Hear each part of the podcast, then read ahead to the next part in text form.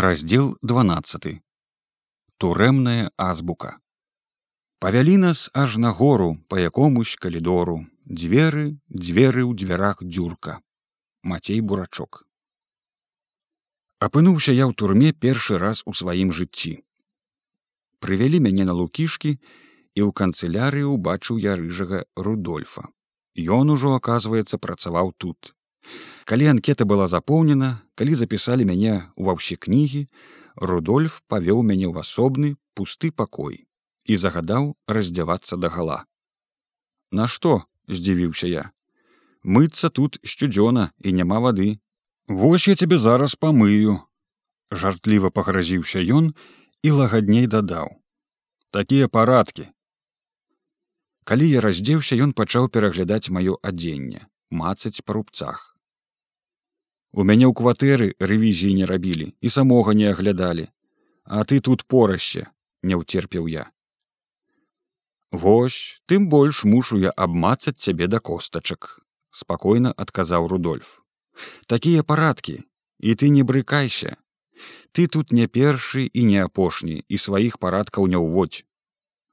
Параскідаў мае штаны і сарочки і зараз загадаў адзявацца штаны і сарочки мае былі ў дзірках сам я быў вельмі худы і ён падла адышоўся ў бок і закурыў люлечку стаяў і глядзеў на мяне пасміхаючыся а потым скрозь зубы заўважыў ох які ты пралетарый я паслаў яго к чорту ён не пакрыўдзіўся але аловак і запісную кніжку мяне адабраў Ён жа завёў мяне па жалезнай драбіне на другі ці трэці паверх да дзвярэй цэлі камеры нумар 40 і здаў наглядачу.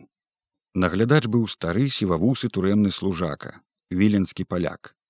Служыў ён тут за рускімі, служыў і цяпер. Апушчанае бруха яго ў турэмным мундзіры было падцягнута кушаком. На кушаку з аднаго боку абвіс рэвальвер, вялікі як карабін, а з другога боку бразгалі ключы. Калі я пачаў быў у яго нешта пытацца, Ён хрыпла гыркнуў на мяне, не размаўляць. А шчэрыў, як бы ў вялікай злосці гнілыя зубы пад пракуранымі сіва-жоўтымі вусамі і моцна бразнуў за мною дзвярмі. Дзверы зроблены так, што самі замыкаюцца. Нанач ён яшчэ навешваў велізарны, цяжкі замок. Адзіночка была цесненькая, але даволі чыстая, толькі паветра мне не спадабалася, смярдзела ад парашы. Не ведаючы, што рабіць і прыйшоўшы ў незразумелую вясёласць, я зараз запяяў інтэрнацыянал. Наглядач мой гад стаяў мусіць пад дзвярмі і толькі таго і чакаў. Моцна бразнуўшы акенцам, адчыніў яго і гыркнуў на мяне вельмі злосна. Парадкаў не ведаеш. У карцар захацеў. А што? здзівіўся я. Не на вяселле прыйшоў спяваць і зноў страшэнна люта бразнуў жалезным акенцам у жалезных дзвярах. Пасядзеў я ўсяго да паўдня 22 снежня 5 дзён. Аднак жа паспеў дайсці даследчым шляхам, што калі прыкласці рот да дзірачкі ў сцяне, дзе прымыкаецца нанач ложак і гаварыць, дык у суседа чуваць. Калі ён адтуль гаварыў, мне трэба было прыкладваць вуха. А сцяна тоўстая, цэглы ў дзве ці ў дзве з паловаю, Дзірачка ж неглыбокая, сантыметраў 5-7 не болей. Калі каму яшчэ трапіцца сядзець на лукішках, хай гэта возьме пад увагу. Толькі размаўляць трэба ціханька, каб не пачуў наглядач. Сядзеў са мною побач нейкі немец камуніст. Умеў ён толькі па-нямецку, а таму і разгаварыцца мы з ім не маглі. А з другога боку не ведаю, хто сядзеў. Ён не дадумаўся размаўляць праз дзірачку і толькі адстукваўся кулакамі. Турэмныя азбукі ён не ведаў, і я яшчэ тады не ведаў яе па нядбаласці сваёй. А ведаць яе ў нашы часы павінен кожны, як і ўсякую грамату. Тым больш, што рэч вельмі простая. Азбуку, якую я пераняў пасля свайго першага сядзення ад свайго бацькі такая.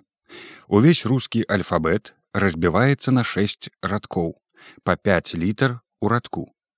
То бок першы радок літары А, Б, В, Г, Д. Другі радок літары Е, Ж, З і К. Трэці радок літары Л, М, Н, О, П. чацвёрты радок літары r s t у f пяты радок літары х c ч ша шча шосты радок літары і мяккі знак э ю я. Спярша выстукваецца лічба радка потым лічба літары ў радку паміж лічбамі трэба рабіць невялічкую паўзу каб выстукаць скажам мацей мышка на гэтай азбуцы трэба стукаць так. Три два то бок трэці радок другая літара ў ім. М. Один один то бок першы радок першая літара ў ім. А. 52 то бок пяты радок другая літара ў ім. C 21 то бок другі радок першая літара ў ім. Е 24 то бок другі радок чацвёртая літара ў ім.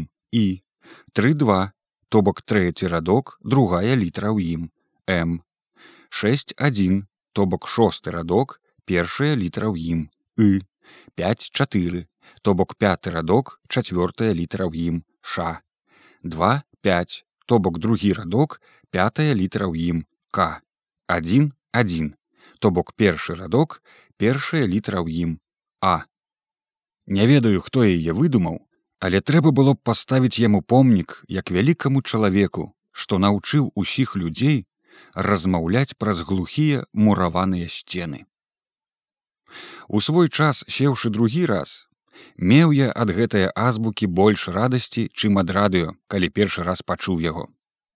Той раз стукаць я не ўмеў і разгаварыцца суседам па-нямецку не мог зрабілася мне нудна і я спаў дзень і ноч. Бо ложак у мяне на маё шчасце на дзень да сценкі не прымыкалі. Але потым як добра выспаўся і спаць мне асабліва пры электрычным святле праз усю ноч ужо не хацелася дык зрабілася яшчэ нудней. І кармілі страшэнна кепска. На абед давалі місачку памыек под відам зупы а раніцою і ўвечары тую ж місачку маркоўныя кавы такое нясмачнай бурды што горш за тых памыек. І на ўвесь дзень маленечкі кавалак цэглы з бульбянога шалупіння і льняных жмакаў. Гэта под відам хлеба ці бабкі. І больш нічога. Як жа павінны былі мучыцца людзі якія сядзелі на гэтых харчах пакуль не ўміралі. А сядзела ж у немцаў многа людзей. Камуністы рускія ваеннапалонныя дэзерціры нямала іх і перамёрла ў жудасных нямецкіх турмах ваеннага часу. Не чытаць не пісаць мне не давалі гуляць не вадзілі. І наогул нікуды за парог камеры не выпускалі нават і ў уборную. Раніцою выставіш парашу за дзверы і зноў сядзі под замком. На допыт не выклікалі. Напісаць сваім юзі і бацьку ці на варонію каб прынеслі чаго есці таксама не дазвалялі аж на пяты дзень да следчага. Прыняў ён мяне тут жа ў турме у пакоі для допытаў. Следчы, як мне здалося, быў някепскі белабрысы немец ці паляк з пазнані. Гаварыў добра па-польску, называў сябе сацыял-дэмакратам. Можа брахаў. Ён толькі распытаўся ў мяне, хто я і што я і толькі ўзяў падпіску, што не буду шкодзіць нямецкай эвакуацыі. Не паспеў я вярнуцца ў камеру, як барбос мой наглядач захрыпеў, забірае рэчы. Ізноў у тым самым пакоі рыжы рудольф усяго мяне абмацаў, каб я чаго не вынес, аддаў мне маю запісную кніжку і вывеў да брамы. Каціся, больш не пападайся.